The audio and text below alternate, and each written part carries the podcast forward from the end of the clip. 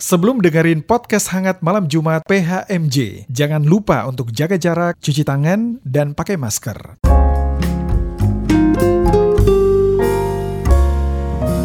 Podcast hangat malam Jumat. Halo, selamat malam Sobat Hangat. Apa kabarnya semua pendengar Sobat Hangat? Bagaimana kabar keluarga sekalian? Semoga kita semua dan keluarga yang kita kasihi selalu dalam lindungan Tuhan dan terlebih semuanya kita bisa tetap sehat dan bisa tetap menikmati podcast sangat malam Jumat. Episode kali ini kita akan ngobrol dengan pejuang di garda terdepan di perang yang sedang kita jalani. Wah, perang melawan COVID. Jadi, Sobat Hangat, malam hari ini kita kedatangan mereka yang disebut dengan tenaga kesehatan atau nakes. Kita perkenalkan, yang pertama ada Dokter Damar. Selamat sore, Dokter. Selamat sore. Kemudian ada juga perawat atau suster atau sekarang lebih dikenal dengan sebutan nurse. Ada nurse Kato atau Ibu Kato. Selamat sore, Bu. Selamat sore juga. Oke, nanti kita akan ngobrol-ngobrol ya soal perjuangan tenaga kesehatan di masa pandemi ini. Tapi sebelumnya saya mau coba kenalin dulu nih siapa beliau-beliau ini. Kita mulai dengan dari dok dengan Dokter Damar. Ya, shalom. Shalom. Perkenalkan nama saya Wendy Damar Aprilanu Nadeak. Saya adalah seorang dokter umum yang lulus tahun 2014 dan saat ini bekerja sebagai dokter umum di Puskesmas Kecamatan Pesanggerahan. Kegiatan di luar tugas selain sebagai seorang dokter, saya juga seorang penulis eh, Oke. lepas ya, penulis lepas artikel medis di Alodok Alo Medica. Alo Medica. Ya. Seperti Alo Dok. Betul. Kalau alo dokter itu untuk awam, kalau alo medika itu untuk dokter. Oke. Oke. Lalu kesibukannya apa lagi, Dokter? Selain itu nggak ada sih, apalagi selama pandemi ini nggak ada kesibukan apa-apa. Nggak ada kesibukan Iya, apa-apa. Pulang kerja ke rumah, pulang kerja ke rumah. Berarti lulus S1 2014, kemudian dapat dokter. S itu sudah dokter. Oh itu sudah dokter. Ya, Oke. S1 itu 2013. Oke, satu tahun kemudian dapat dokter dan langsung di puskesmas ya. Langsung kita internship satu tahun Heeh. selama dari 2015 Maret sampai 2016 Maret. heeh. Setelah itu saya langsung bekerja di Puskesmas Kecamatan Pesanggerahan. Oke, itu sekarang. hitungannya berarti PNS Eh, saya masih pegawai honorer. honorer. Ya oke. baru sekitar beberapa bulan yang lalu diangkat sebagai pegawai tetap di Puskesmas Kecamatan Pesanggerahan. Pegawai tetap itu pu- eh, PNS atau bukan? Eh, bukan, jadi Bukan, non. PNS. Kalau untuk PNS saya masih berjuang. Oh. Jadi pegawai puskes, puskesmas pun ada yang non PNS ya, walaupun Iya, bukan ada. kontrak tetap tapi eh, sorry bukan kontrak tapi tetap tapi statusnya bukan PNS gitu. Betul. Dan itu bisa lanjut lagi untuk PNS ya. Kalau mengikuti ujian PNS-nya bisa. Oke. Banyak cerita nggak soal pandemi ini COVID-19? Oh banyak sekali. Oke, disimpan dulu ya, nanti kita sharing ya. Kita ke Nurse Kato. Selamat sore Ibu. Selamat sore juga. Oke, boleh dikenalkan kesibukannya saat-saat ini? Ya. Shalom, salam Shalom. sehat, salam tangguh, salam kemanusiaan. Seperti itu, salam kalau kami dari profesi perawat ada eh, mengikuti webinar kami eh, dalam lingkup PPNI yaitu Persatuan Perawat Nasional Indonesia. Oke, oke. Ya, perkenalkan saya Kato Caroline Lantang, bekerja sejak Februari 1993. Wow. Eh, awalnya di Rumah Sakit Premier Jatinegara Jakarta. Ya, ya. Dulunya masih Rumah Sakit Mitra Keluarga. Kemudian sempat ke luar negeri.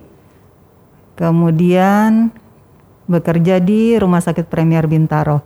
Saat ini di Emergency Room Rumah Sakit Premier Bintaro. Oke, IR atau kita sebutnya IGD ya. Ya. IGD. Eh, IGD atau UGD ya? Sama ya, Bu? Sekarang IGD. IGD ya, Ya. IGD. Oke, jadi di Premier Bintaro sejak tahun Sejak awal di, beroperasi 12 Oktober Oh. 1998. Wow, waktu namanya masih Internasional Bintaro Iya, ya? betul dulu Rumah Sakit Internasional Bintaro. Oke. Ada cerita Bu tentang situasi pandemi ini mungkin yang dirasakan? Hmm. Banyak? Sebelum pandemi, selain bekerja di rumah sakit, kita bisa eh, ada berorganisasi, ada kelu- kerukunan keluarga besar atau Oke. kerukunan kerukunan keluarga kampung tempat asal kita. Oke, oke. Tapi sejak pandemi ini ya hanya bekerja dan kegiatan mengerjakan tugas-tugas di rumah. Oke, oke. Jadi untuk berorganisasi sulit ya di masa pandemi ini karena dibatasi untuk berkumpul-kumpul gitu loh. Oke. Kayaknya selain itu banyak lagi ceritanya ya Bu. Nanti nanti kita nanti kita gali lagi Iya. mungkin ya. Oke. Kemudian eh, seperti biasa sobat hangat dalam setiap episode podcast hangat malam Jumat kita tentu mendambakan untuk mendapatkan terang firman Tuhan dari setiap diskusi yang kita lakukan. Dan sore hari ini kita sudah kedatangan Ibu Pendeta atau Milkalia Persa. Selamat sore Bu. Selamat malam, Bang. Sore Bu. Malam. Malam buat saya jam 10 ke atas. Bu. Is, bahaya. Oke deh, ikut host deh daripada saya nggak diajak lagi. kabar, Apa baik, kabar Bu? baik. Sehat? Sehat, puji Tuhan. Ada sesak napas sesak napas Bu? Eh, berhubung ada dokter dan ada nurse nggak berani ngomong Oh nggak itu. berani ngomong soalnya sekarang lagi tren yang hip, hip apa happy happy itu ya Bu, happy hipoksia gitu ya. Oh gitu ya. Iya. Jadi happy happy tapi ternyata sesak napas. Bu. Nah itu nggak berani deh. Oke. Sobat hangat, itu dia perkenalan kita dengan Dr. Damar dan Nurse Kato serta ada Ibu Pendeta Reto Milkalia Persang. Jangan ke mana-mana, sebentar lagi kita akan bahas tentang aktivitas mereka di masa pandemi ini tetap di podcast hangat malam Jumat.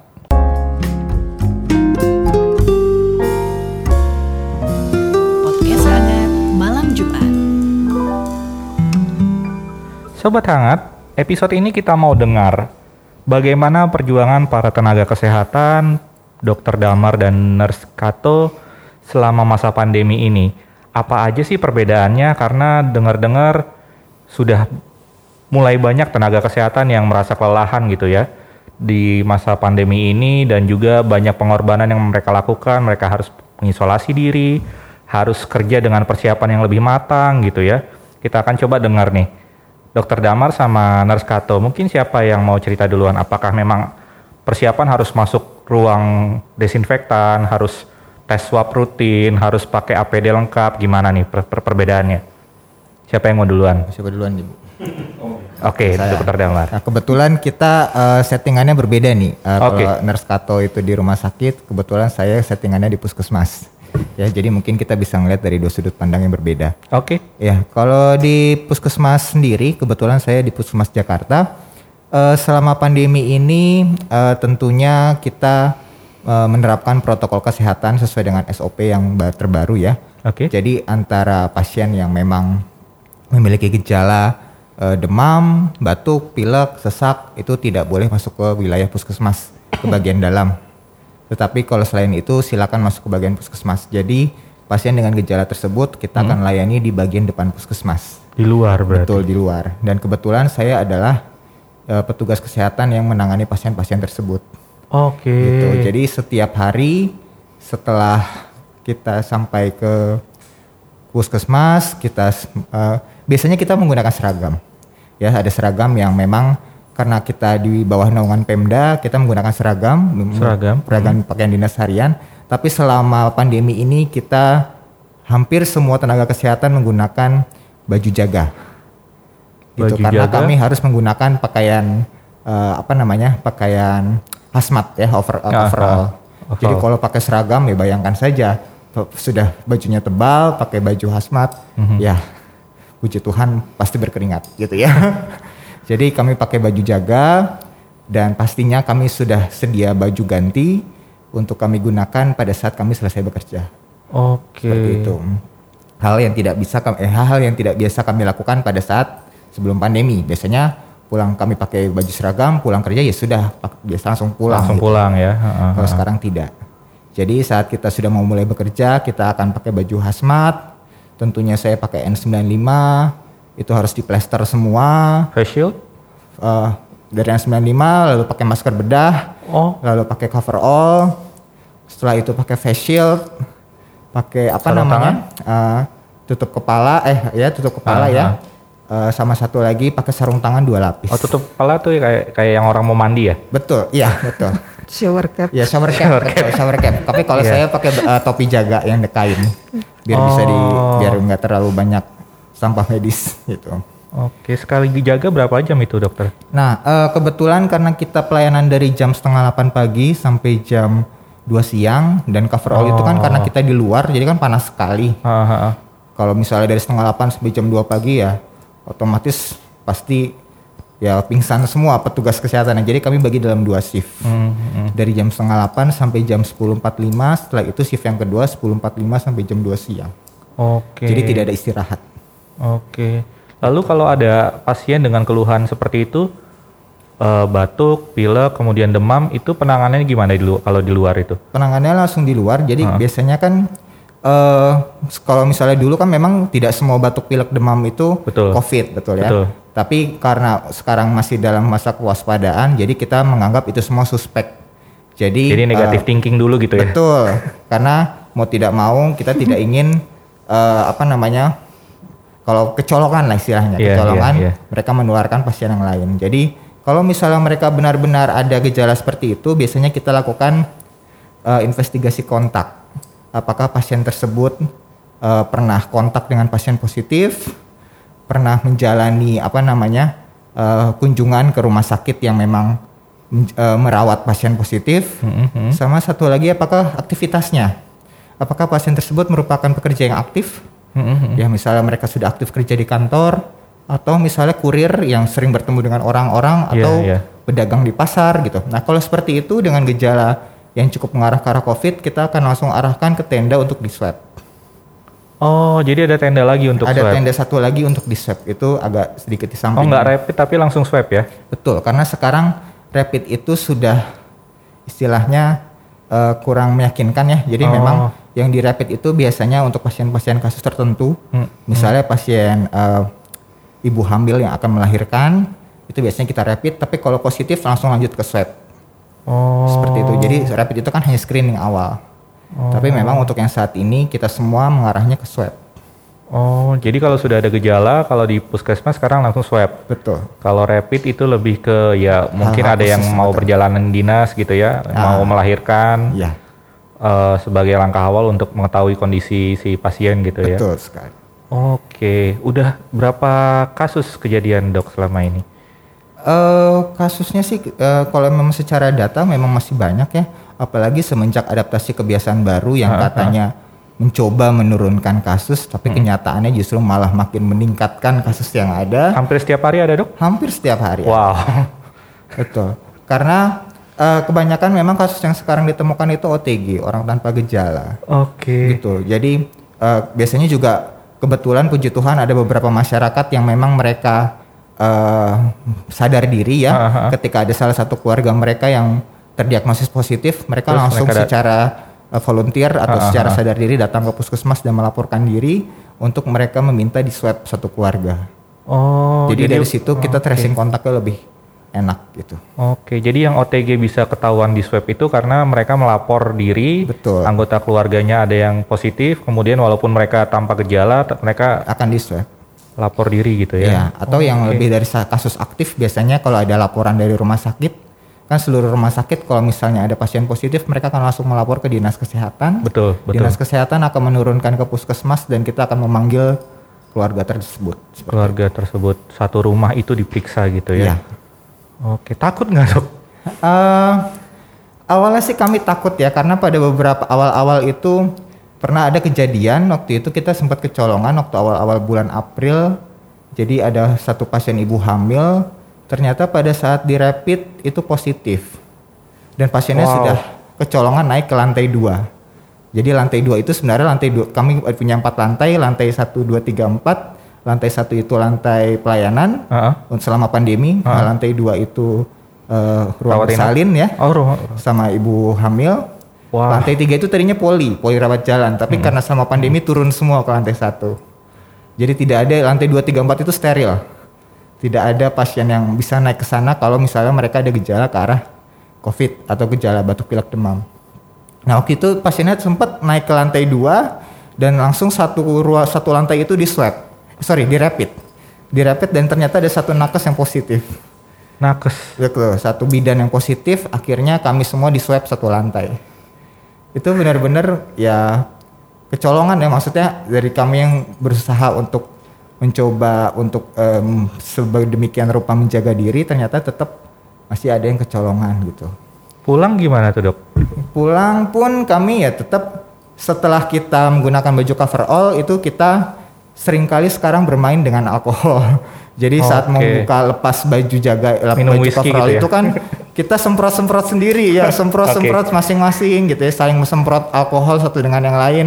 Lalu pakai baju sudah selesai semua dibuka baru kami naik ke atas cuci tangan dan segala macam baru berani untuk makan, berani untuk melakukan aktivitas yang lain meskipun memang tetap menggunakan masker karena memang Oh di rumah pun pakai masker jadinya ya? kalau di rumah kalau di rumah biasanya kami karena saya juga tahu diri ya Haha. Berhubungan dengan pasien-pasien yang menular jadi saya lebih sering mengurung diri di kamar sebenarnya Iya iya. ya jadi mengisolasi diri sendiri meskipun memang ya kalau kebanyakan orang kan bilang kok agak sombong tapi mau gimana lagi gitu memang Betul. eh, sadar diri lah daripada saya positif tanpa gejala menulari keluarga apalagi sudah ada papa mama yang cukup lanjut usia kan Iya iya iya. lebih baik saya mengasingkan diri sendiri di kamar Jadi sampai rumah pun ko- baju kotor itu langsung cuci ya? langsung Nggak- cuci buka cuci bisa mandi ditumpukin baru- di baju kotor dulu ya? Iya. langsung dibersihkan Wah, wah, wah. Oke, itu Gitu. tadi sobat hangat kesaksian dari Dokter Damar, dokter muda kita, jemaat kita lumayan besar gitu ya ternyata perjuangannya di puskesmas. Kita coba dengar lagi ya dari nurse Kato ya, Ibu Kato nih di emergency room. Sepertinya lebih seram lagi nih gimana Bu? Apa perbedaannya Bu? Ketika sebelum dan saat ini sudah pandemi. Ya, saya mau bagi pengalaman untuk dari segi saya yang kerja di emergency room rumah sakit ya. Kalau tadi dari eh, dokter Namar tuh di puskesmas ya. Kalau pasien datang ke emergency room, pintu pertama tuh ada eh, triase officer. Jadi ada petugas triase. Triase itu untuk memilah, memilah pasien. Nah, kalau ada pasien yang datang udah bawa hasil swab, hasilnya positif, atau yang belum datang bawa hasil tapi kita Gejalanya udah, eh, bisa berpikir ini suspek, Hmm, hmm. ini pintu masuk, ada ruang triase, langsung sini ada ruang isolasi, Ya, langsung masukin ke ruang isolasi. Jadi eh, istilahnya itu red area, Wow, red area. ya. Kayak wa- war war gitu. area. Kalau pasien-pasien nggak ada gejala-gejala, jadi di, di si, si triase officer ini eh, selain anamnesa, anamnesa itu wawancara, Hmm. terus ada screening, Screening. kah apakah ada demam, batuk pilek, apakah melakukan perjalanan eh, dari yang lalu kan dari luar negeri, tapi Betul. semenjak pandemi ini kan udah apakah melakukan perjalanan di daerah-daerah yang eh, oranye atau yang red eh, COVID gitu ya. Yang utama kita kalau di sini Jabodetabek udah termasuk ya, Iya, udah termasuk orange, saat- bisa red, bisa black Hmm. malahan ya Jakarta saat ini. Betul. Kemudian apakah pernah kontak dengan pasien-pasien atau eh, keluarga yang eh, dengan COVID terkonfirmasi. Nah, kami arahkan ke isolasi. Kalau enggak, ya kami arahkan ke IGD bagian tengah yang kami anggap itu area hijau, ya green area seperti itu. Kalau pasien-pasien misalnya ada demam, batuk, terus kemungkinan yang eh, setelah diberikan obat di I- IGD kondisinya ada perbaikan, kami arahkan ke kami punya di bicara maaf ya bicara eh, rumah sakit kami Hmm. di gedung belakang itu ada eh, tempat untuk eh, swab PCR tes. PCR test. Ya, kami sarankan ke sana Mhm. untuk dilakukan eh, PCR swab test. Kemudian kalau pasien-pasien IGD yang eh, memang terindikasi untuk rawat inap, screeningnya lebih dalam lagi.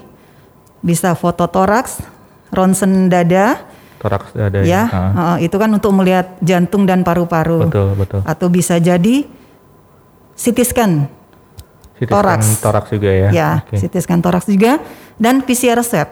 Semua pasien-pasien yang akan dirawat inap harus harus eh, dilakukan itu pemeriksaan seperti itu, ditambah dengan cek laboratorium. Nah, kalau pasien-pasien yang belum ada PCR swab Mhm. dari IGD ke kamar rawat inap itu ditempatkan di gray area yang masih abu-abu. Oh, Oke. Nah di sana em, kalau yang eh, masih menunggu di gray gray area masih menunggu hasil eh, swabnya. Kalau udah misalnya besok harinya dapat eh, hasil, Mhm. kalau negatif di boleh dipindahkan ke green area yang hijau. Tapi kalau positif dipindahkan ke Red red, area. area. Jadi dipisahkan seperti itu. Jadi screeningnya lebih eh, banyak ya. Tapi kalau pasien-pasien yang dari IGD perlu operasi sito, sito itu artinya segera melahirkan, Ya. melahirkan mau melahirkan biasa atau eh, seksosesaria yang Kecelakaan mulai gitu operasi juga ya, Bu? masuk ICU eh, HCU harus swab segera dilakukan segera gitu loh. Nah untuk eh, sekarang tuh swab di rumah sakit kami ada yang hasil eh, satu hari, ada yang hasilnya tiga hari. Untuk swab test ya. Swab PCR tesnya PCR itu test ya. COVID, ya seperti itu. Hmm, beda harga. Beda harga. Iya. itu. Kemudian perbedaan yang lainnya eh, mungkin sebelum pandemi kami menggunakan eh, cukup level satu aja. Hmm. Level satu itu standar yang eh, rendah, level 2 yang menengah, level 3 adalah yang eh, paling atas. Kalau Oke. mau tahu itu kalau misalnya yang level eh, satu tuh misalnya baju biasa, masker, Aha, masker aha. bedak aja nggak pakai masker N95. Iya. Kalau level 2 itu ada yang baju panjang warna biru atau Iya, iya. bisa macam-macam warnanya sekarang dengan topi, dengan masker bedah. Level 3 itu yang orang bilang sekarang hazmat atau eh, cover all. Ya. Nah, level 3 ya udah ini ya, udah lebih lengkap. Ada eh, topi, face shield, masker bedah N95, ya pakai baju daleman terus pakai hazmat, terus eh, sepatu sama pelindung kakinya. Oh, oke. kakinya. Kan udah banyak tuh kalau Ya, ya, masyarakat ya, ya, lihat ya, ya. di TV ya. Iya, iya, Jadi level 3 itu adalah APD level yang paling tinggi Oke. gitu. Itu di semua area, Bu. Eh, maksudnya green area, gray area, red area pakai level 3 semua. Level 3 itu diutamakan red area. Red area. Oh, jadi yang green area masih Red area a- yang di ruang perawatan red area pasti harus pakai level 3. Oke. Kalau di IGD itu eh, bisa jadi eh, pakai APD level 3 ya itu untuk pasien-pasien yang kasus isolasi. Hmm, Seperti itu. Jadi kebanyakan kalau kalau kami datang itu pakainya level 2 dulu. lev- Oke. Level 2 dulu. Kami datang kerja, Ha-ha. datang kerja pakai baju, baju eh, tugas, Mhm. terus dilapis lapis eh, APD level 2. Tapi kalau ada misalnya pasien yang diisolasi, udah satu orang misal ditempatkan situ, dia pakai baju tugas dilapisi dengan APD level 3. Seperti itu. Oh. Berapa lama Bu kalau Ibu eh, satu shiftnya? Kalau shift pagi dan sore kurang lebih 7 jam. Teorinya 7 jam, tapi kenyataannya lebih dari 7 Bisa jam. lebih.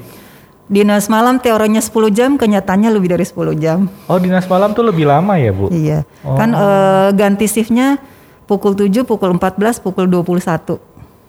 Oke, saya kebayang pakai Seperti kalau itu. ibu lagi pakai kayak gitu gitu terus kalau lapar gimana bu? Ya kalau Kalau dibuka, sekali dibuka buka semua. Buang air? Kebanyakan kalau yang di wisma mereka pakai pampers. gitu seperti itu. Buang air? Oke. Jadi Makan nggak boleh ya bu ya berarti ya? Jadi kalau udah pakai hazmat itu ya begitulah. Tidak bisa makan, tidak bisa minum.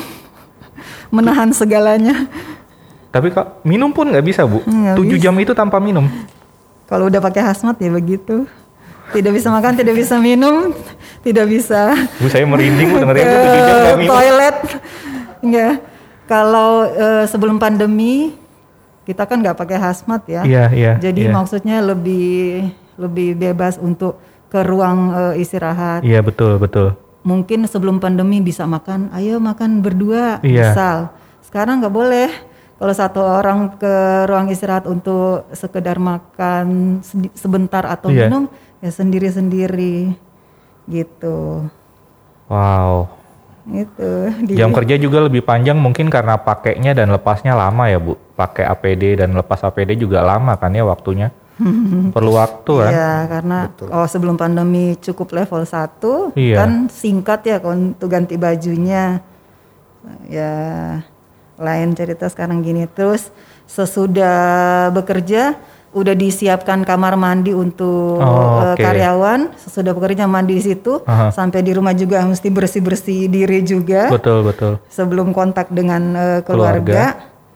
Terus apalagi ya? Ya mungkin eh, saat ini kit- kita di ditempa untuk lebih waspada gitu loh. Karena penyakit yang satu ini ada yang OTG. Betul. Nah, Iya. kalau penyakit-penyakit menular lainnya kita bisa tahu karena ada gejalanya. Ya, itu yang sulitnya.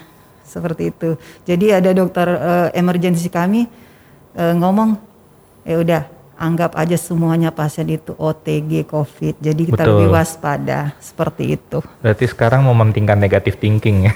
Betul. Jadi kita lihat ya pasiennya mungkin tidak menampakkan gejala tapi bisa jadi membawa virus gitu ya. Jadi persiapan yang benar-benar Ibu jadi di rumah jadi mengisolasi diri di kamar sendiri juga atau kadang, kadang teman anak saya tuh udah besar sebenarnya. Oh iya iya iya. Tapi kadang ya gitu, oh, mungkin ada satu saat dia pengen agak agak dimanja, mah cium saya dong. Nggak nggak nggak nggak nggak nggak, bapaknya aja.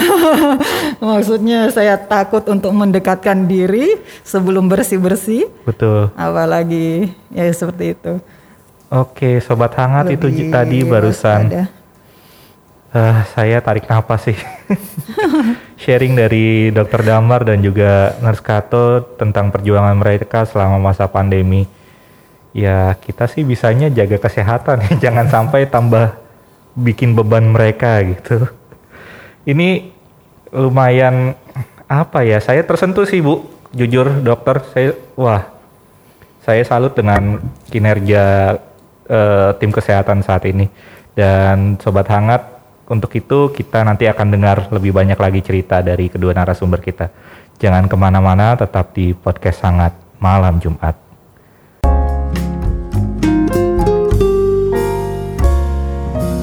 Podcast hangat malam Jumat. Selamat sore sobat hangat, kembali lagi di podcast hangat malam Jumat. Segmen kali ini kita akan coba denger nih cerita para tenaga kesehatan dan rekan-rekan mereka yang mungkin sampai akhirnya tertular karena data dari ID itu tanggal 6 kemarin aja sudah 112 dokter yang meninggal. Ini meninggal ya, bukan cuman terpapar COVID ya. Ya, Dan untuk suster itu ada 69 untuk perawat atau nurse ya. 69 yang gugur. Ya dari awal tadi saya bilang mereka memang garda terdepan untuk ya kita sebutnya bisa perang ini ya lawan virus ya. Sampai ada 112 dokter dan 69 perawat yang akhirnya jadi eh, pahlawan atau gugur di medan perang ini. Lumayan bikin eh, sedih sih beberapa minggu yang lalu juga ini sempat trending ya soal dokter-dokter yang sudah banyak jadi korban ini. Kita mau dengar deh dari narasumber kita dari mungkin dari Nurse Kato dulu. Ada nggak pengalaman Bu eh, rekan-rekan sesama tenaga medis yang Ibu saksikan sendiri mungkin mempertaruhkan nyawanya atau malah sudah merelakan nyawanya demi perang ini, Bu?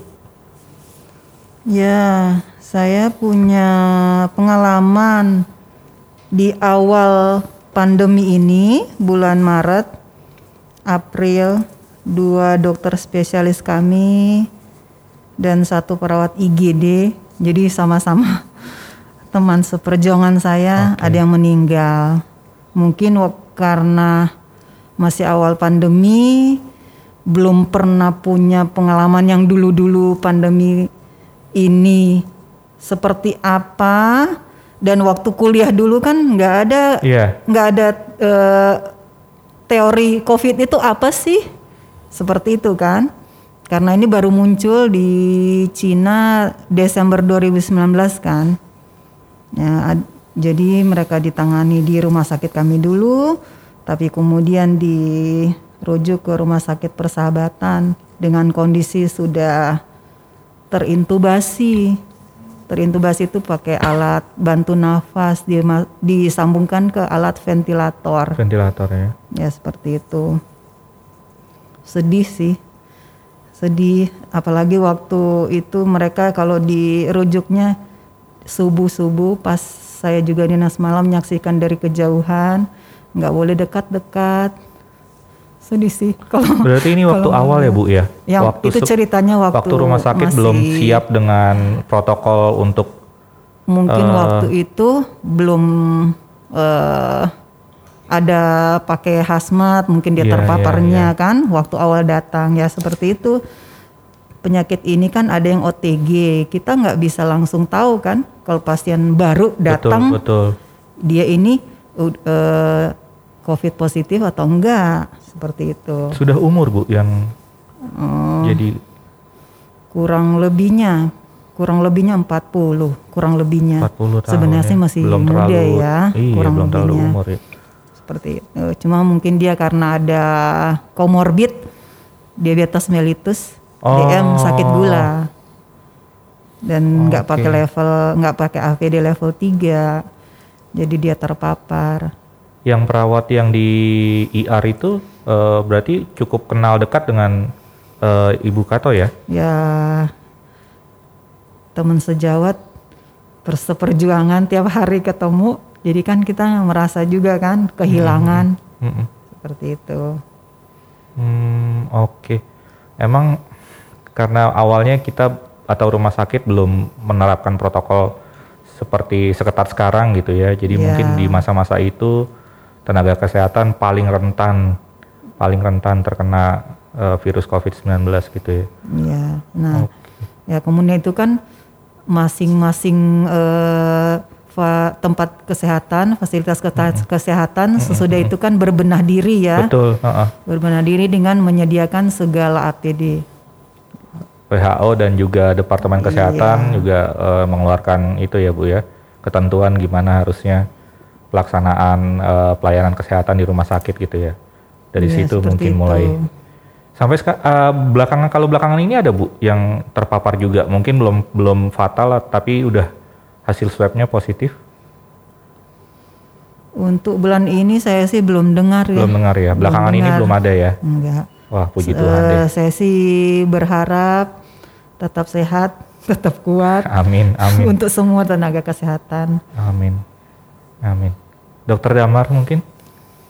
Hmm, sebenarnya saya juga cukup sedih sih melihat kabar kalau 112 dokter sekarang sudah Hmm. eh, Gugur. gugur ya gugur karena kalau yang kita tahu dan mungkin orang awam berpikir "Ah, cuma 112 kok gitu. Hmm. Tapi kalau dibandingkan dengan rasio dokter dengan penduduk di Indonesia kita masih sangat jauh gitu. Hmm, Satu dokter di Indonesia itu bisa memiliki rasio harusnya hanya sekitar kurang dari 1000 penduduk eh 1000 orang gitu ya per satu dokter kalau di luar negeri kita lah ribuan dokter.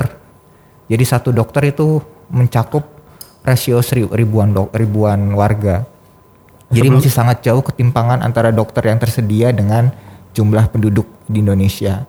dan sudah 112 orang yang meninggal berarti Betul. sudah puluhan ribu rasio yang hilang gitu. Dan untuk mencetak satu orang dokter ya apalagi konsulen itu lebih dari 10 tahun gitu. Jadi apalagi konsulen-konsulen spesialis yang meninggal itu sungguh sangat kehilangan yang berharga sih bagi negara kita. Jadi memang kalau dari pribadi sih eh, sejauh ini sih puji Tuhan dari wilayah kerja sendiri belum ada yang Belum ada. sampai sejauh itu ya sampai meninggal dunia tapi memang ada beberapa tenaga kesehatan seperti misalnya kemarin baru sekitar sebulan yang lalu dia itu hari Sabtunya sudah akan menjalani pernikahan dan di hari Kamisnya dinyatakan positif. Wow. Itu dia dalam kondisi dia sudah pulang kampung. Jadi dia sudah ambil cuti, sudah cuti. kembali ke kampung halamannya untuk menikah. Ternyata dapat kabar dari puskesmas kalau dia positif, dia langsung kembali ke Jakarta untuk diisolasi. Jadi pernikahannya ditunda. Itu sampai seperti itu gitu. Ada yang sedang hamil, dinyatakan positif dan ini adalah kehamilan yang benar-benar dia tunggu. Dia sudah Oke. menikah selama beberapa tahun belum punya eh, keturunan, dia sudah ikut program berbagai macam dan akhirnya hamil, tapi ternyata Tuhan memberikan dia eh, hasil positif gitu, terkonfirmasi. Ya akhirnya mau nggak mau kita langsung jemput, dirawat di rumah sakit eh, di daerah Duren Sawit seperti itu. Tapi puji Tuhan dari semuanya yang terkonfirmasi positif dari teman-teman saya sih bisa melaluinya dengan baik. Dan untuk saat ini sih mereka sudah kembali berjuang kembali seperti itu.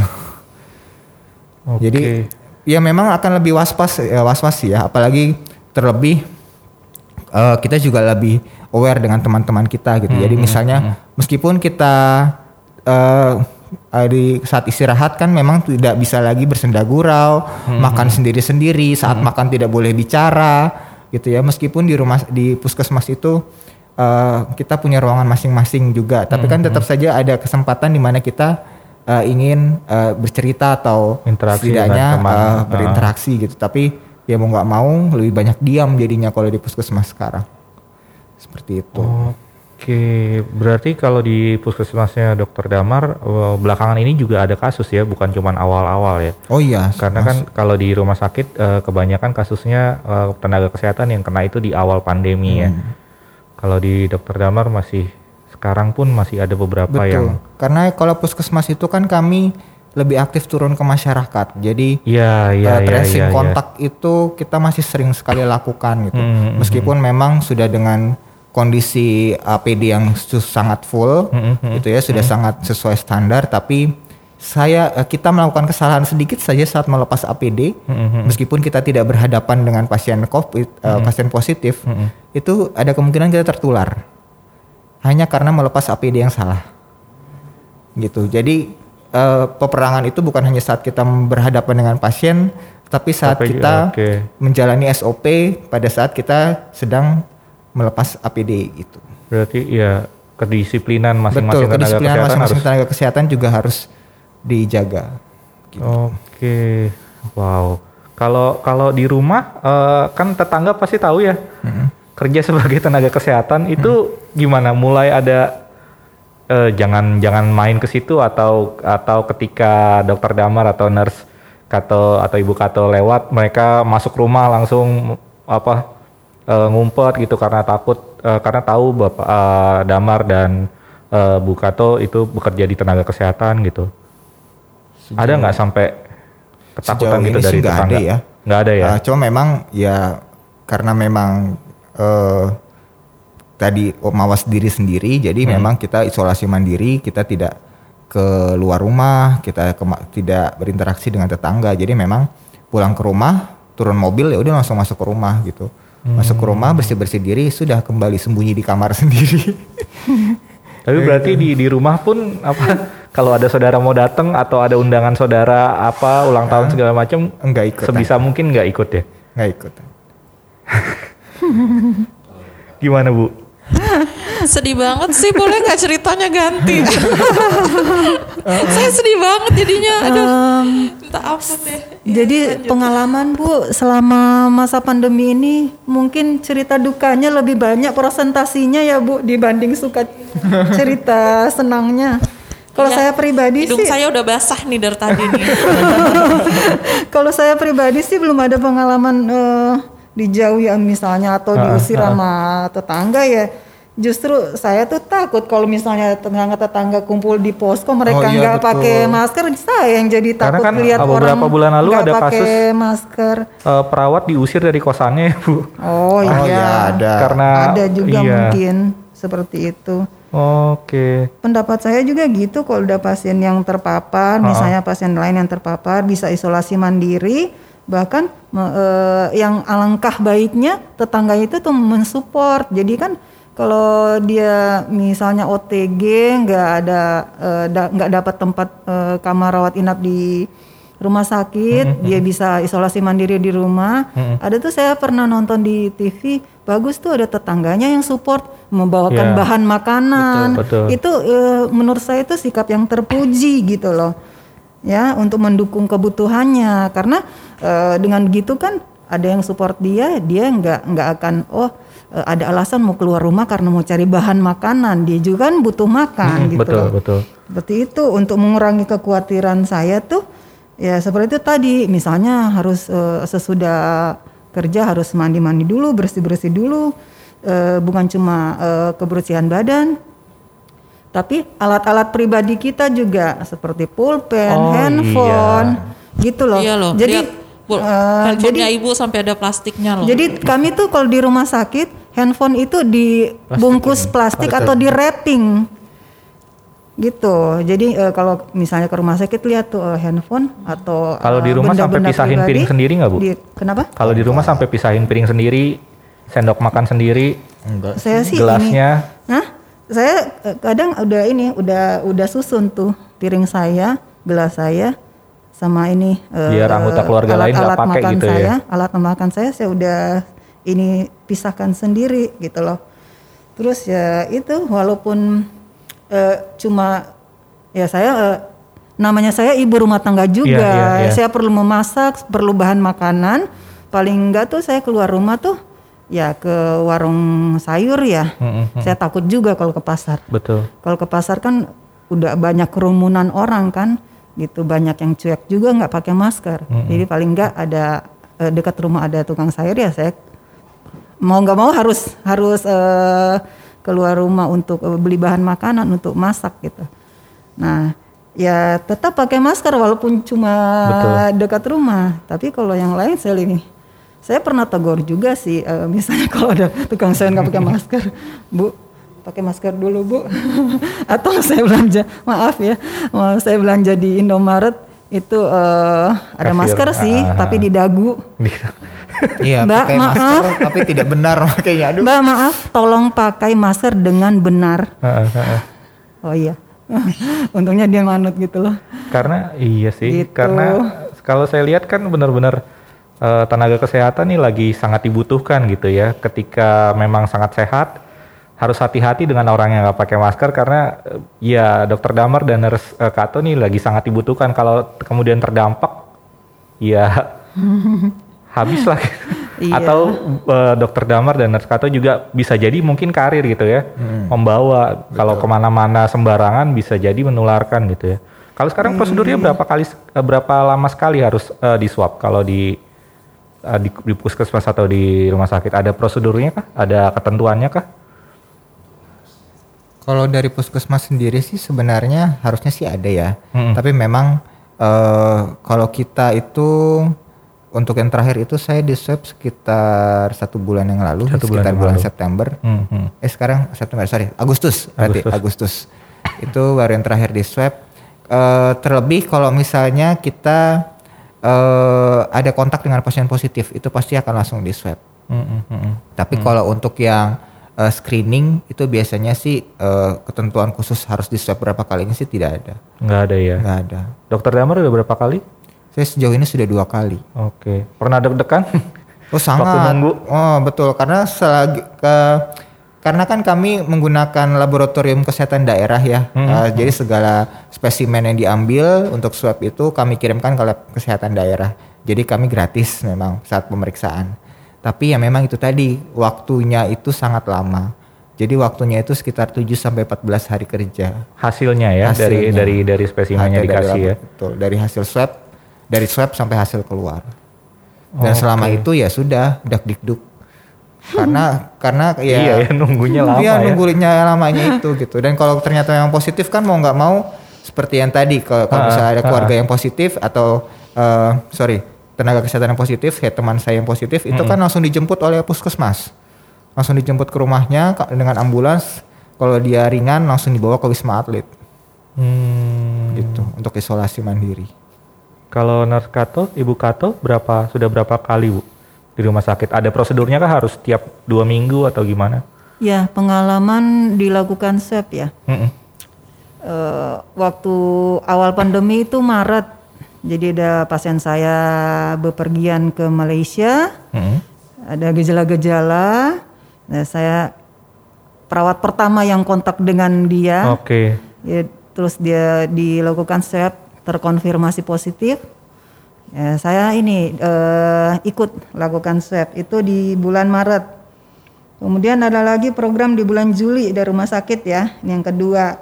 Kemudian ada tuh eh, di akhir Juli ada tuh eh, program dari Dinas Kesehatan Tangsel. Mm-mm. Nah, saya ikutan tuh sama anak saya. Bisa kamu belum pernah di swab kan? Ayo.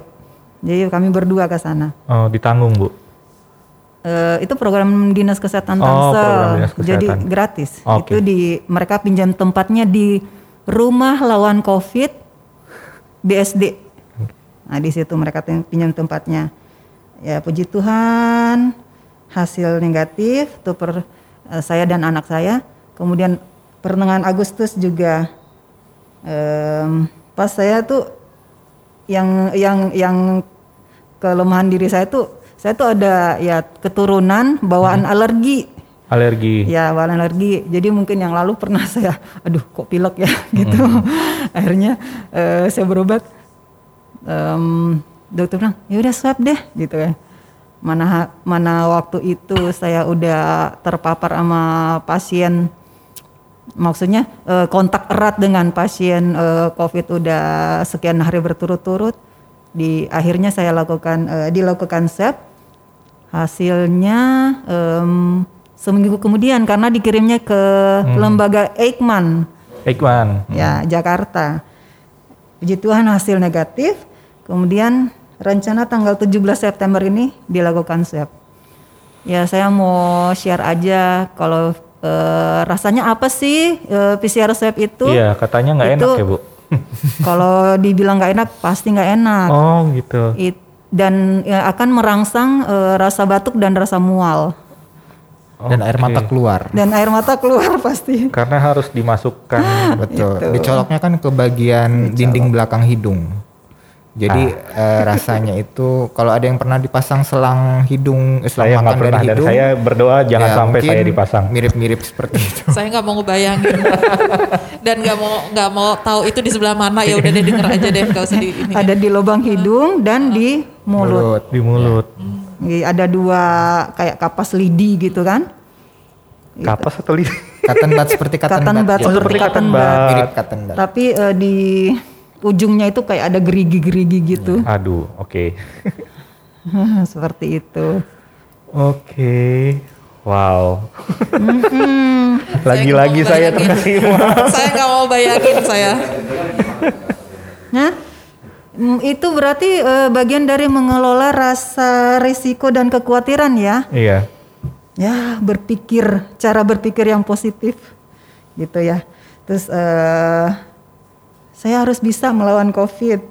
Terus saya bis- harus bisa bekerja dengan eh, sesuai SOP. Harus bisa sehat dan umur panjang. Amin. Harus bisa menerima sewaktu-waktu eh, kalau dijadwalin harus melakukan eh, PCR swab test gitu. dan berharap terus kan eh, hasilnya negatif Amin. seperti itu. Oke, eh, terakhir nih sebelum kita tutup segmen ini, dengan data yang sekarang ada banyaknya korban dari atau yang gugur dari tenaga kesehatan, ada tanggapan atau mungkin eh, apa yang mau disampaikan nih dari nurse Kato dan dokter Damar untuk para pendengar apa namanya eh, podcast hangat malam Jumat nih untuk sobat hangat. Atau mungkin siapa tahu podcast kita ini didengar sama mereka yang punya kewenangan untuk membangun kebijakan seperti itu. Silakan. Oke. Kalau dari saya pribadi, eh, saya merasa masyarakat kita sudah mulai kendor.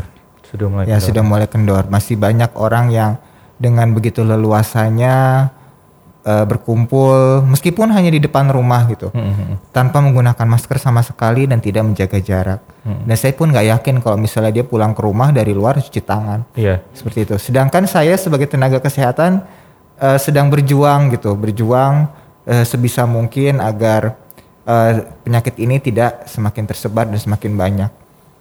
Apalagi dengan kondisi kemarin, kalau di berita yang lalu, eh, baru saja sekitar seminggu ini kapasitas ICU di Jakarta sudah mendekati 100% penuh.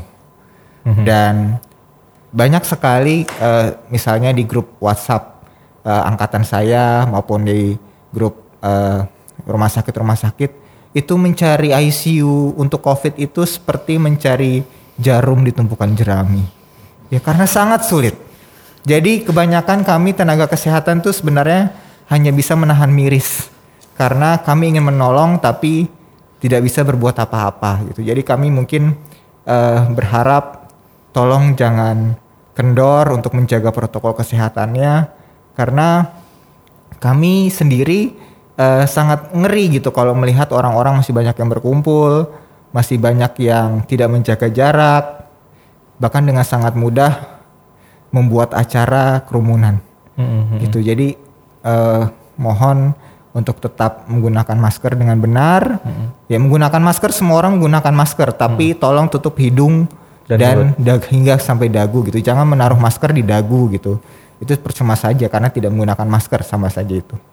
Sama satu lagi cuci tangan dan tolong jaga jarak satu dengan yang lain. Karena saya sendiri kalaupun misalnya saya memang harus pergi misalnya ke supermarket atau ke mana gitu, banyak orang yang lewat di sekitar saya itu saya seperti magnet sendiri mencoba menjauhkan diri gitu betul karena saking setakutnya itu karena memang melihat sendiri kondisi bagaimana Iya, iya. pasien-pasien positif itu diperlakukan seperti itu jadi harapan saya sih seperti itu tolong jangan kendor dan tetap jaga protokol kesehatannya untuk keselamatan diri kita keselamatan orang lain di sekitar kita dan juga menolong tenaga kesehatan lah yang sedang berjuang seperti itu Oke, terima kasih Dokter Damar. Nurse Kato? Ya intinya itu eh, semua orang itu harus berpartisipasi bersama kita bisa melawan COVID, ya kan? It- saya tuh eh, sela- kalau mau ditanya suka duka, dukanya it- ya itu kalau nggak ada yang mau untuk disiplin, Iya, iya. misalnya katakanlah masyarakat yang eh, luas ya, cuma ke- cuma pakai satu lembar masker aja Hmm. Kok kayaknya keberatan banget ya bagaimana kami nakes yang bisa pakai tiga lapis masker gitu loh. Gemes saya kadang ngeliatnya gitu. Kalau kalau itu anak saya saya udah marahin misal gitu seperti itu. Nah ke- kemudian seperti dibahas dokter Damar tadi betapa susahnya kalau pasien-pasien yang bergejala berat butuh ruang rawat inap, butuh ruang ICU apalagi. Pas di rumah sakit kita penuh mencari rumah sakit lain untuk rujukan itu susahnya minta ampun. Nah, kalau udah di situ berarti kan makan waktu lama. Untuk mencari-cari itu nggak gampang seperti itu. Nah, makanya bertahanlah kami di ruang isolasi se- sampai bisa aja sampai pulang gitu Sesusah-bisanya. loh. Misalnya kalau eh, masalah belum teratasi seperti itu kan, ke, ya yang kami ini yang kami harapkan juga masyarakat luas bisa menghargai lah tenaga kesehatan seperti itu. Kemungkinan kan anggota keluarganya juga kan tenaga kesehatan juga, ya Iya, iya. ya. Terus kalau sukacita, ya kami bersukacita pasti kalau pasien itu sembuh, udah pasti ikut ikut eh, bahagia juga. Hmm, hmm. Itu. Ya, yang em, yang kami harapkan juga nanti eh, semua masyarakat nggak melonggarkan protokol kesehatan. So, kalau saya lihat eh, edukasi, edukasi baik dilakukan oleh tenaga kesehatan, edukasi yang dilakukan oleh pemerintah tiap hari melalui siaran televisi itu berlanjut terus. Tolonglah hargai gitu dan diterapkan. Kalau mm, tidak diterapkan ya susah juga mau sampai kapan pandemi ini akan berakhir. Iya. Kami eh, harapan kami ya begitu. Oke. Jadi itu ya sobat hangat kita sudah dengar kesaksian dan harapan dari Nurse Kato dan juga Dokter Damar para tenaga kesehatan. Walaupun kita bukan bagian dari tenaga kesehatan tapi kita bisa ikutan eh, jadi orang yang berperan untuk memerangi virus COVID-19 ini dengan cara apa? Dengan cara yang tadi sudah disebutkan oleh para tenaga kesehatan. Untuk itu, jangan ke mana-mana, kita akan lanjutkan obrolan kita tetap di podcast Hangat Malam Jumat.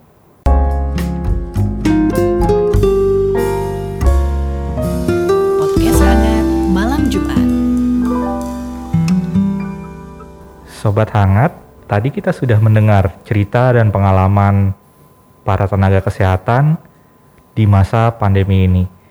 Tapi saya mau coba mundur lagi deh, jauh lagi ke belakang.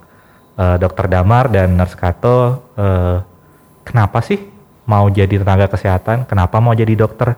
Kenapa mau jadi perawat? Ada yang mau mulai? Silahkan. Ibu perawat.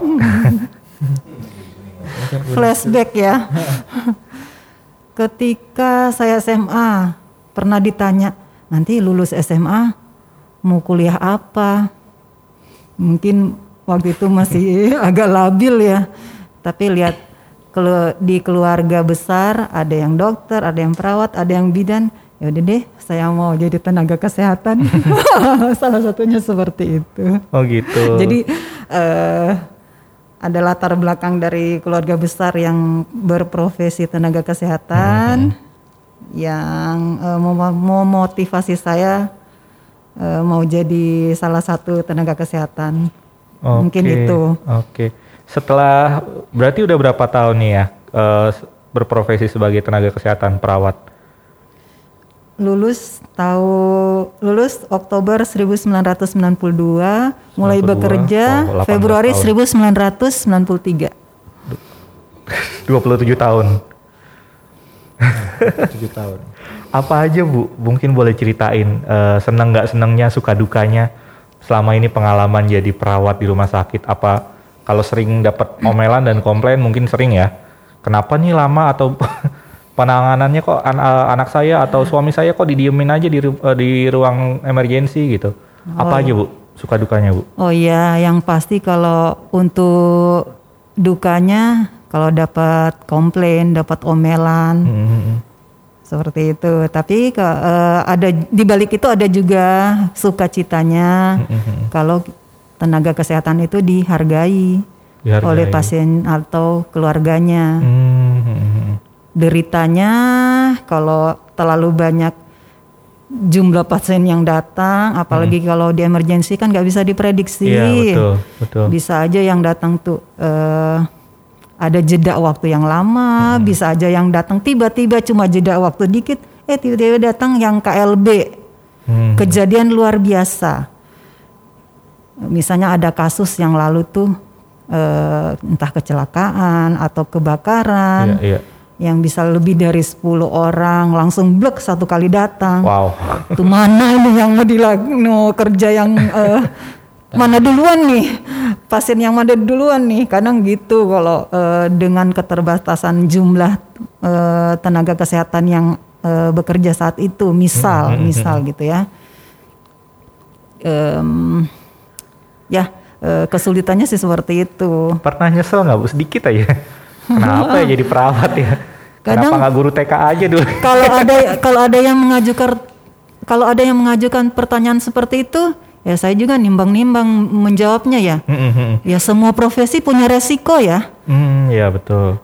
kembali ke situ kembali ke situ semua profesi punya resiko tapi kalau nggak bekerja nggak ini juga ya nggak enak juga saya pikir. Tapi waktu ini kan COVID udah ribet banget gitu ya, susah banget di, di dilawannya. Bukan cuman ketika di rumah sakit tapi juga di luar. Sempet nyesel juga nggak waktu? Aduh ini capek banget deh ngelawan COVID deh. Yang yang saya tuh kadang bikin sakit kepala itu yaitu tadi seperti tadi. Saya terima pasien dari dari eh, luar datang pasiennya butuh. Udah di udah ditangani bla bla bla bla tinggal butuh kamar rawat inap atau ICU yang pasien-pasien yang bergejala berat.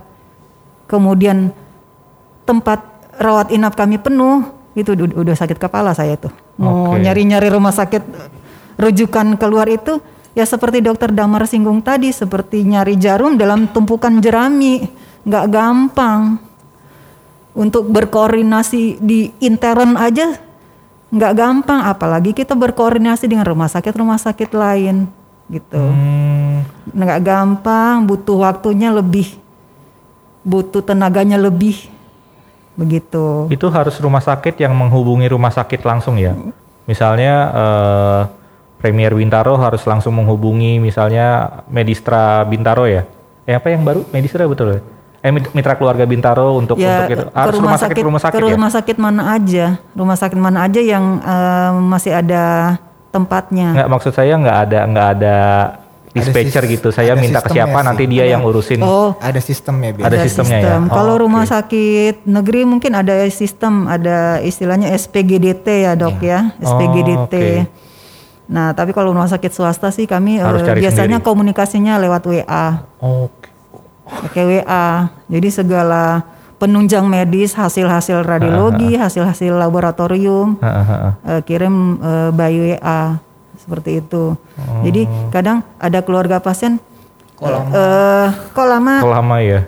Bu, saya udah tangani pasien dari eh, dari dari awal. Sekarang yang di emergency udah saya kerjakan. Sekarang tinggal Mm-mm. proses untuk ke kamar rawat inap. Kami punya masalah. Rawat inap kami kapasitasnya saat ini kan eh, penuh ya, penuh. Kan terbatas. Apalagi semenjak Covid ini yang tadinya misalnya em, di area abu-abu dan area red itu itu yang merah itu misalnya satu kamar bisa berdua bertiga ini kan mesti sendiri Iya iya. iya. dengan begitu kan kapasitas tempat tidurnya kan eh, untuk kapasitas untuk rawatan inapnya jadi berkurang. Masalahnya kan seperti itu juga. Gitu terbatas jadinya. Jadi ya gitu. Kendalanya. Yang nggak enaknya kalau eh, dapat kendala seperti itu. Tapi banyak apresiasi nggak Bu terima selama ini? Misalnya dari dari dari keluarga pasien, ibu terima kasih ya gitu. Udah udah urus eh, suami saya dari kritis. Biasanya masuk IR udah udah kondisi yang harus segera ditangani gitu kan ya Bu, sampai Ya. hari, akhirnya siap untuk masuk kamar rawat inap gitu ya. Iya. Pernah ada Ada apresiasi seperti itu. manusia itu unik. Oke. Ada Apa yang bisa ceritanya? menerima, ada yang bisa menerima saran kami, edukasi kami. Heeh, heeh. Itu berpulang dari komunikasi Heeh, tenaga kesehatan dengan ke klien dan Keluarga, keluarganya. heeh. Kalau dia mengerti itu, saya juga udah udah senang. Tapi yang nggak mau menerima itu yang bikin pusing saya juga, gitu loh. Seperti itu. Dan eh, kami sekarang ada aturan lakukan eh, apa? Tulis yang kamu lakukan dan eh, tulis eh, tulis yang kamu lakukan la- dan lakukan apa yang kamu tulis. Oke, oke. Seperti itu. Jadi edukasi nggak cuma lisan, ada tulisan juga. Dokumentasi dari awal datang sampai eh, selesai mesti lengkap. Harus lengkap. Jadi jadi ya, ya, seperti itu tuntutannya sih seperti itu. Oke, kita ke dokter Damar nih. Gimana dok? Ceritanya dulu. Awal mula kenapa mau jadi dokter? Karena nilai biologi bagus atau? Ya, itu mungkin salah satunya ya. Eh, s- kenapa mau jadi dokter? Eh, sebenarnya bisa dibilang ya dibilang panggilan hati, panggilan hati sih ya. Karena dulu memang punya pengalaman eh, papa masuk rumah sakit, masuk IGD karena Iya, penyakit iya. jantung. Heeh. Jadi saya seperti berpikir sepertinya harus ada satu orang yang eh, bisa menjaga keluarga kalau misalnya sesuatu ada kejadian seperti tadi seperti papa masuk rumah sakit gitu jadi ya itu tadi sih awalnya meskipun memang sebenarnya eh, keluarga tidak setuju Oh, oh ya? ya keluarga tidak setuju karena eh, masalah biaya Oke. Ya, karena papa waktu itu ketika aku lulus SMA, SMA. ditanya harus mau kuliah di mana dan aku jawab kedokteran, papa langsung mundur pelan-pelan. ya karena papa sudah pensiun Ya. gitu. Jadi memang ya entah bagaimana caranya Tuhan punya rencana, Tuhan bukakan jalan. Ketika bulan Januari tahun baru 2009 2009 aku ingat sekali eh, akhirnya papa bilang oke kamu silakan ambil kedokteran.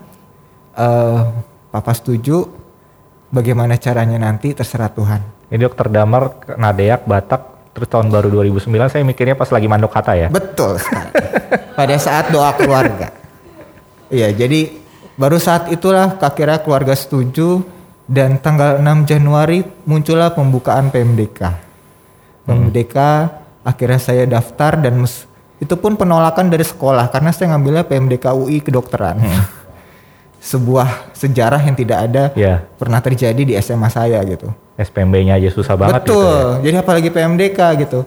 Dan ternyata Tuhan berkata lain, ternyata saya lulus gitu Oke. karena eh, ya puji Tuhannya pernah ikut olimpiade juga kan mungkin itu juga membantu. Hmm, Jadi Tuhan tempatkan saya lah untuk menjadi dokter awalnya dari situ gitu. Oke, suka dukanya gimana ini? Suka Udah dukanya. berapa tahun? Eh, dukanya yang mungkin paling saya ingat adalah ketika saya pertama kali eh, koas itu ya koas pasien meninggal di tangan saya. Itu sedihnya luar biasa. Itu benar-benar saya sudah berusaha menangani pasien tersebut dari yang tadinya pagi. Dia masih tertawa ketika saya visit. Dan siang dia demam tinggi 41 derajat. Saya sudah eh, usaha sebagaimana mungkin gitu ya sebisa mungkin. Lalu ternyata pasiennya tidak sadar saya lakukan resusitasi jantung paru. Dan akhirnya pasiennya meninggal ketika anaknya datang.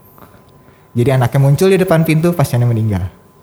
Itu benar-benar hancur hancur hancurnya hati saya. Saya sampai minta izin ke perawat saya mengunci diri dalam dok- ruang dokter itu nangis jadi jadinya itu duka yang benar-benar saya eh, ingat sampai sekarang gitu jadi eh, kalau misalnya eh, saya melayani sebagai seorang dokter, ya saya ingin eh, memberikan apa yang benar-benar sepenuhnya yang bisa saya berikan. Gitu. Jadi kalau misalnya, eh, apalagi terlebih eh, puskesmas itu kan kadang orang berpikir dokternya cuma dokter batuk pilek ya. Iya, iya. Oh, jadi dokternya itu Atau minta surat keterangan sehat. Betul. Jadi orang-orang itu cukup merendahkan dokter-dokter yang di puskesmas dan saya berharap berkata nggak mungkin harus seperti ini gitu karena puskesmas itu kan garda terdepan. Mm, mm, mm. Jadi itulah kenapa akhirnya saya terpanggil untuk melayani menjadi dokter di puskesmas bukan di rumah sakit. Gitu. Oke. Karena memang contohnya kasusnya pasien dia pingsan, sering pingsan ibu-ibu Iya. eh dibilangnya cuma kurang darah. Akhirnya ketika dia bertemu dengan saya, saya berpikir ini bukan kurang darah gitu. Akhirnya saya rujuk ke dokter saraf, kayak saya curiga dia kejang, kejang absans namanya. Hmm. Dan ternyata benar. Wow. Baru setelah itu dia akhirnya diobati, pingsannya terobati, cuma karena itu tadi pemeriksaan yang saya lakukan. Jadi hal-hal seperti itulah yang sebenarnya eh, menjadi sukacita sih buat saya. Kalau misalnya saya bisa memberikan ilmu yang saya pelajari, saya bisa apa namanya melayani pasien-pasien yang bertemu dengan saya. Apalagi kalau misalnya eh, pasien tersebut bisa disembuhkan atau bahkan kondisinya bisa lebih baik seperti itu. Iya, iya, iya. Karena memang biasanya mereka yang ke puskesmas itu kalau nggak ya udahlah cuman batuk pilek puskesmas Betul. atau klinik aja atau mereka yang mungkin tidak punya akses dalam artian Betul. ekonomi ke rumah sakit gitu ya. Sehingga mungkin didiagnosanya pun dengan diagnosa ya udah penyakit biasa-biasa. penyakit umum pada Betul. pada Padahal- rakyat biasanya gitu ya. Padahal Kurang darah, dari itu. minum sangobion gitu ya. Oke oke. Jadi dengan ah tuh saya Batuk pilek itu sekarang justru malah paling ditakuti ya. Iya betul. Bahkan orang mikir batuk pilek sedikit sudah wah covid di jangan-jangan. gitu Covid ya. Ya, Dengan dia. kondisi sekarang nih dok, Pak capek banget dan dan dan ngeri banget penyakitnya. Sempat ada, aduh, nyesel deh nih Pak jadi dokter ketemu beginian gitu. Hmm, enggak sih ya. Enggak ya? Meskipun memang saya pernah tahun 2017 lalu kalau mungkin Bapak Pendeta juga pernah ingat saya pernah jatuh sakit Hmm. Pneumonia Hah, hah. karena waktu itu saya adalah dokter sendiri di puskesmas yang melayani seratusan pasien setiap harinya. Gitu. Seratus satu Seratusan pasien setiap hari.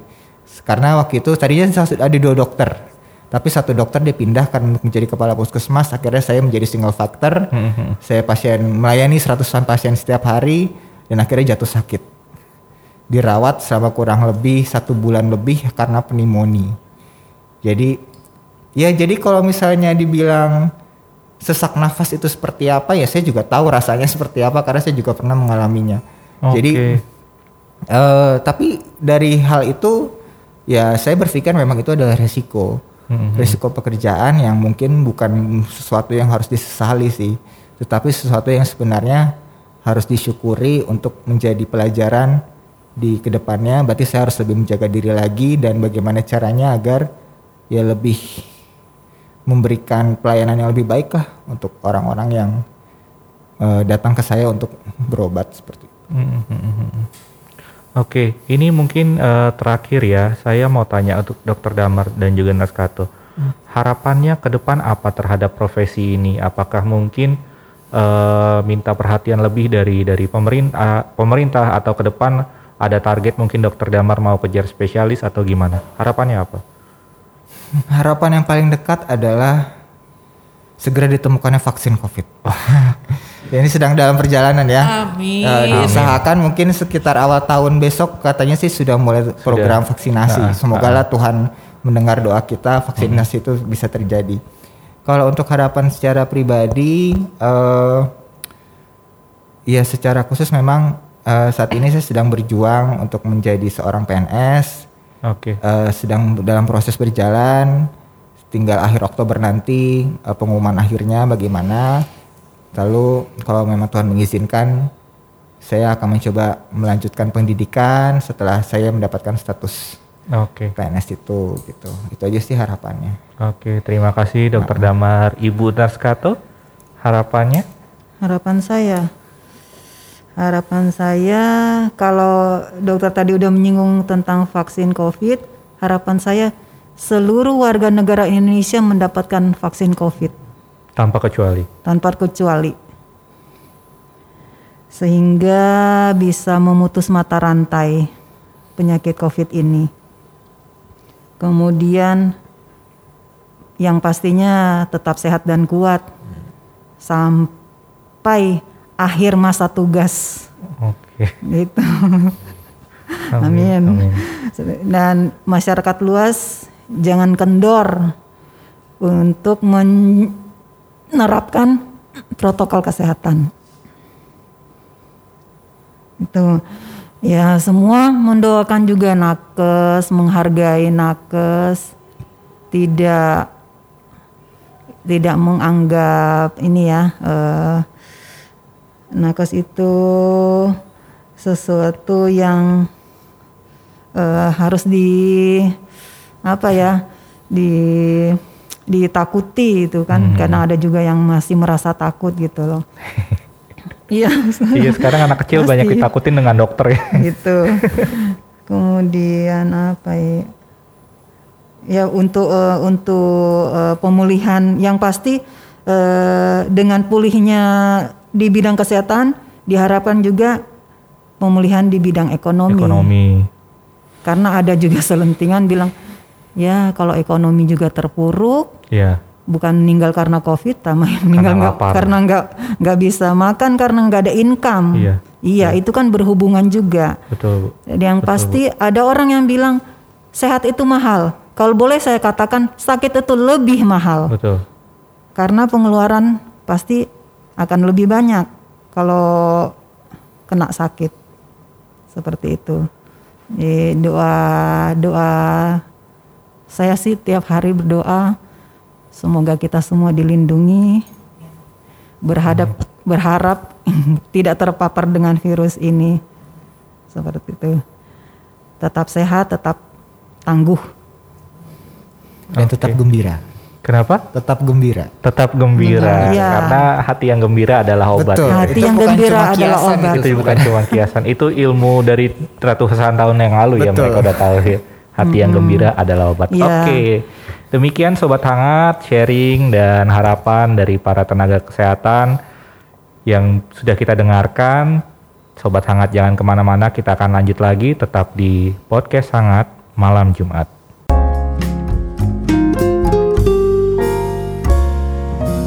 Podcast hangat malam Jumat. Sobat hangat, sekarang kita sudah sampai di segmen terakhir. Saatnya kita mendengarkan terang firman Tuhan eh, dari Ibu Pendeta Artomil Kalia Persang. Ibu, gimana nih Bu eh, firman Tuhan berbicara dengan tentang pengabdian para tenaga kesehatan ini atau mungkin ada penguatan dari firman Tuhan untuk mereka yang berjuang di garda terdepan melawan virus COVID-19 ini. Silakan Bu.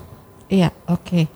Eh, tadi Bang Benny bilang gimana penguatan dari tadi tuh saya pengen peluk mereka loh. Ah, tuh kan baru ngomong aja udah begini. Hah, gitu. Eh dengar tadi eh nggak apa-apa ya saya bilang Mas Damar ya biasanya Nggak ngomong ngomong sama apa-apa, saya Bu. ngomongnya Mas Damar Mas Damar gitu iya Eh, dengar dari Mas Damar dengar dari Ibu Kato gitu ya aduh saya nger- ngerasanya gimana gitu Eh, 13 September saya pimpin ibadah minggu eh, ulang tahun PA saya pakai eh, toga pakai masker pakai face shield terus sempat turun dari mimbar naik lagi gitu ya. Artinya ada pergerakan-pergerakan di situ. Lalu kemudian eh, apa namanya ada nyanyi nyanyi berapa nyanyi ada eh, nyanyi ulang tahun dan seterusnya jadi ada ada gerakan lah gitu ya. Biasanya kan ya firman Tuhan aja berdiri di atas mimbar aja gitu. Ya. jadi nggak terlalu eh, banyak bergerak jadi nggak terlalu apa istilahnya nggak kepanasan nggak ngap gitu ya.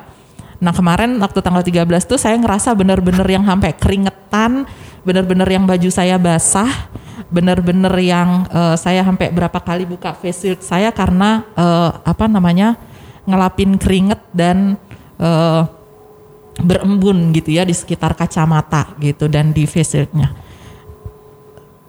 Itu saya yang cuman sekian waktu gitu. Makanya tadi waktu denger eh, baju yang harus dipakai, berapa jam bertugas gitu loh. Aduh. Tadi kan saya sempat bilang juga ini hidung saya udah basah nih gitu ya. Eh ya itulah gitu ya gitu. Nah, dari sini eh, tadi Bang Benny bilang untuk eh, penguatan bagaimana eh, saya mau mulai dengan eh, Matius 22. Saya baca ya Matius 22 ayat 37 sampai ayatnya yang ke eh, 39. Saya mau bacakan. Di situ dikatakan jawab Yesus kepadanya, "Kasihilah Tuhan Allahmu dengan segenap hatimu dan dengan segenap jiwamu dan dengan segenap akal budimu." Itulah hukum yang terutama dan yang pertama. Dan hukum yang kedua yang sama dengan itu ialah kasihilah sesamamu manusia seperti dirimu sendiri. Gitu. Nah, dari apa yang dilakukan oleh Mas Damar dan Ibu Kato, saya berani bilang, gitu ya, saya berani bilang bahwa apa yang beliau berdua lakukan ini adalah bagian eh, tindakan kasih mereka terhadap sesama.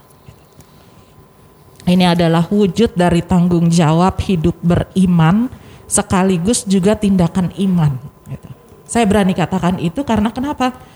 Eh, ya kita udah dengar kisahnya gimana gitu ya. Kita sudah dengar bagaimana kekhawatiran beliau berdua, tapi juga ada tetap semangat untuk mau melakukan dan memberi yang terbaik gitu.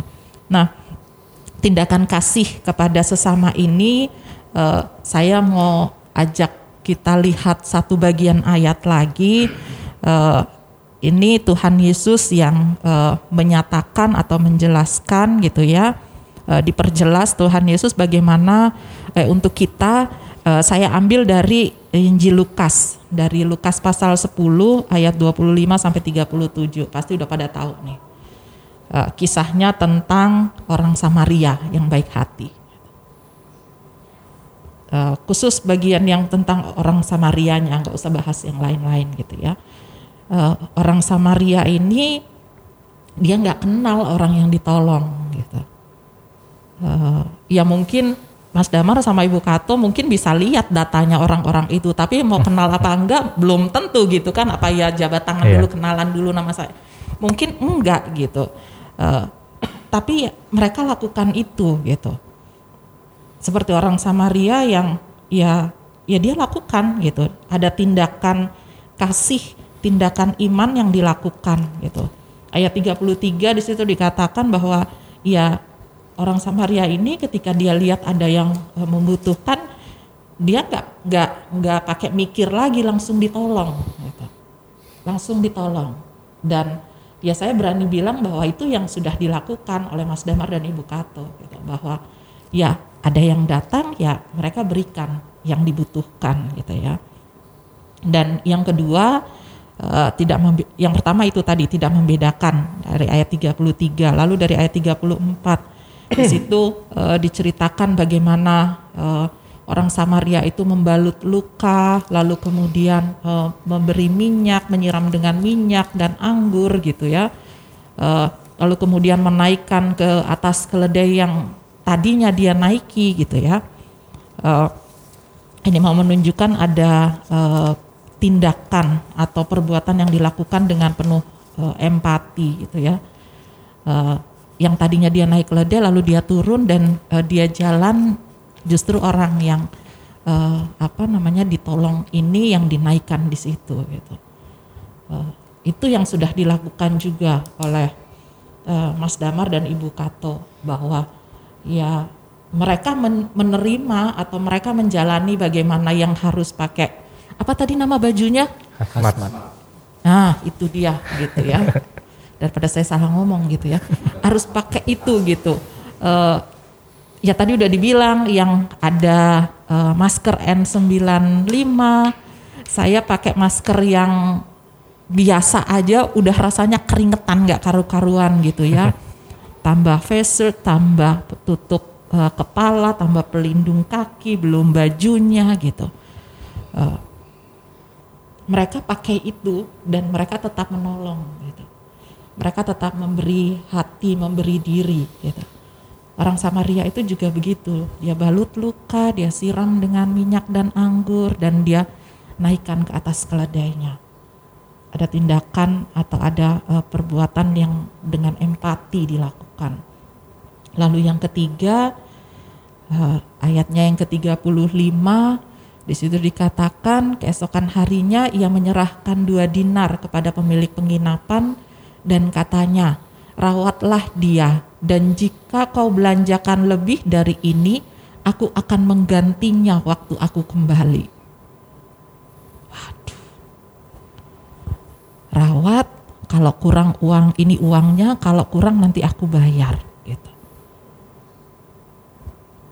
Orang Samaria ini nggak tanggung-tanggung ketika menolong gitu. Mas Damar dua kali swab, ya ya dua kali ya. Nah, Ibu sudah lima kali, gitu. dengan segala resiko yang ada. gitu. Mas Damar pulang dari eh, tempat kerja, ya berusaha supaya mengurangi kontak dengan keluarga, gitu.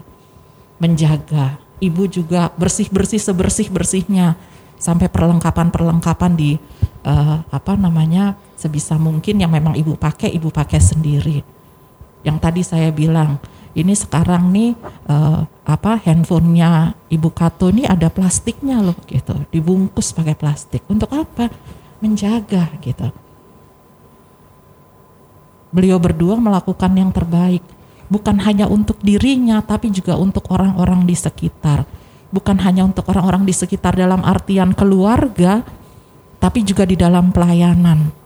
Sampai harus eh, beresiko atau harus sampai mengambil bagian di mana harus eh, apa namanya swab dan seterusnya.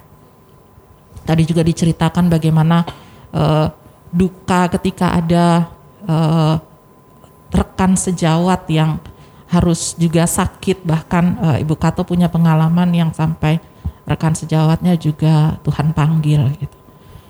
Eh, tapi ya mereka tidak melihat itu sebagai eh, sesuatu yang lalu kemudian dihindari gitu. Tadi juga kita udah dengar nyesel nggak gitu kan? Tadi Bang Beni tanya nyesel nggak? Enggak, enggak nyesel gitu. Itu menunjukkan bahwa beliau berdua memberi yang terbaik. Nah dari sini dari eh, orang Samaria yang baik hati saya mau katakan bahwa apa yang sudah dilakukan oleh Mas Damar dan Ibu Kato adalah merupakan tindakan kasih kepada sesama. Apa pun yang saat ini, khususnya saat ini ya, saat masa pandemi COVID-19 ini. Kalau yang lalu-lalu mereka sudah lakukan, tapi saat ini ini menjadi saat-saat yang benar-benar tadi uh, Bang Benny bilang uh, lalu kita semua setuju bahwa ini ini saatnya perang gitu. Bukan hanya tenaga kesehatan, tapi kita semua perang terhadap COVID gitu. Dan yang paling depan ya beliau berdua ini. Kenapa beliau paling depan? Beliau berdua paling paling uh, apa dekat dengan uh, apa resiko-resiko yang ada. Kalau kita kita masih bisa menjaga diri, misalnya, udahlah kita di rumah aja kita nggak usah ke mana-mana, masih aman kita. Gitu. Tapi beliau berdua, kalau misalnya beliau berdua bilang, udahlah kita di rumah aja nggak usah ke mana-mana, repot gitu orang semua gitu kan, karena mereka dibutuhkan gitu. Situasi sekarang dalam masa pandemi ini Eh, apa yang dilakukan Ibu Kato dan juga dilakukan oleh Mas Damar adalah bagian nyata di mana beliau berdua melakukan tindakan kasih sebagai panggilan dan pengutusan orang percaya dalam kehidupan nyata. Dan itu beliau berdua lakukan sebagai tindakan nyata beliau berdua untuk sesama.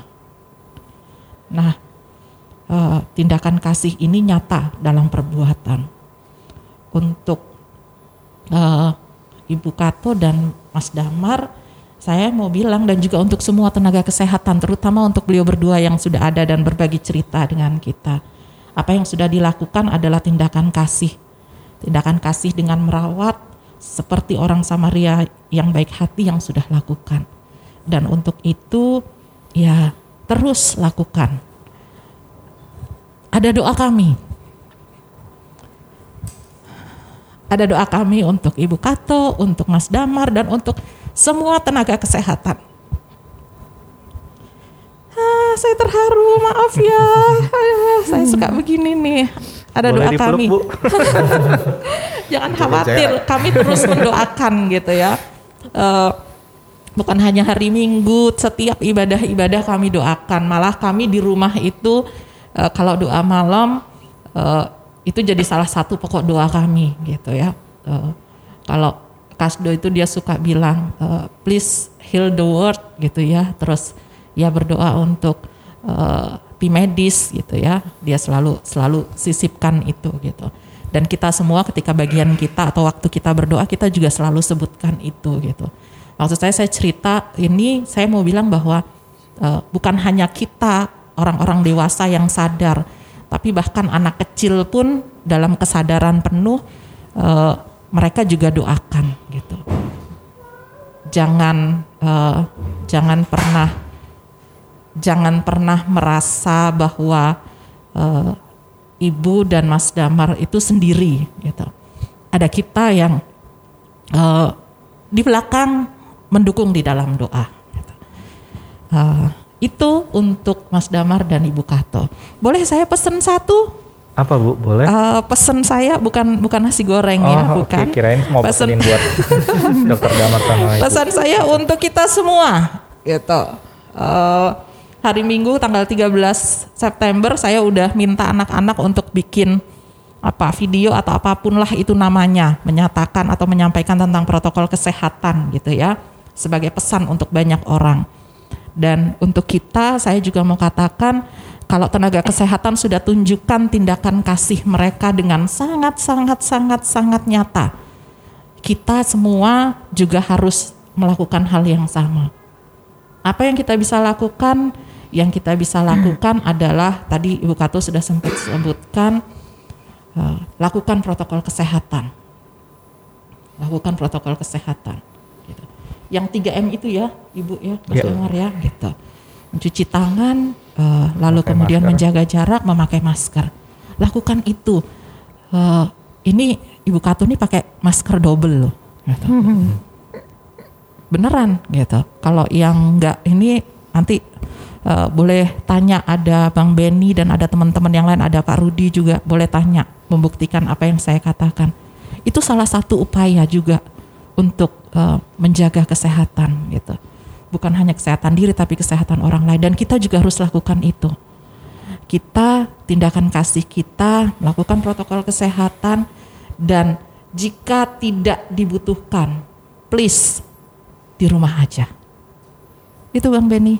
Terima Oke, kasih. terima kasih Bu. Itu tadi sobat hangat penguatan dari Ibu Pendeta dan juga pesan buat kita semua. Jadi selama episode ini kayaknya udah beberapa kali kita dipesankan ya. Kita harus ikut perang gitu. Kita harus bantu tenaga kesehatan dalam menjalani per- peperangan ini bukan dengan jadi tenaga kesehatan tapi dengan menjalankan itu tadi pakai masker, cuci tangan, jaga jarak.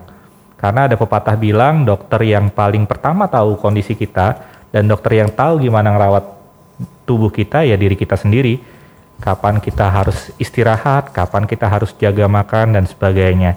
Untuk itu eh, kita berharap pandemi ini bisa segera berlalu. Kita berharap tidak ada lagi korban dari rekan-rekan tenaga kesehatan. Kita berharap semakin hari eh, jemaat masyarakat dan khususnya pendengar podcast sangat malam Jumat malam Jumat bisa semakin dewasa untuk menangani dan menangkal virus ini. Demikian eh, episode kita malam ini. Jangan ke mana-mana, dengarkan episode berikutnya tetap di podcast hangat malam Jumat. Terima kasih. Terima kasih. Terima kasih. Selamat malam. Tuhan berkati. Malam.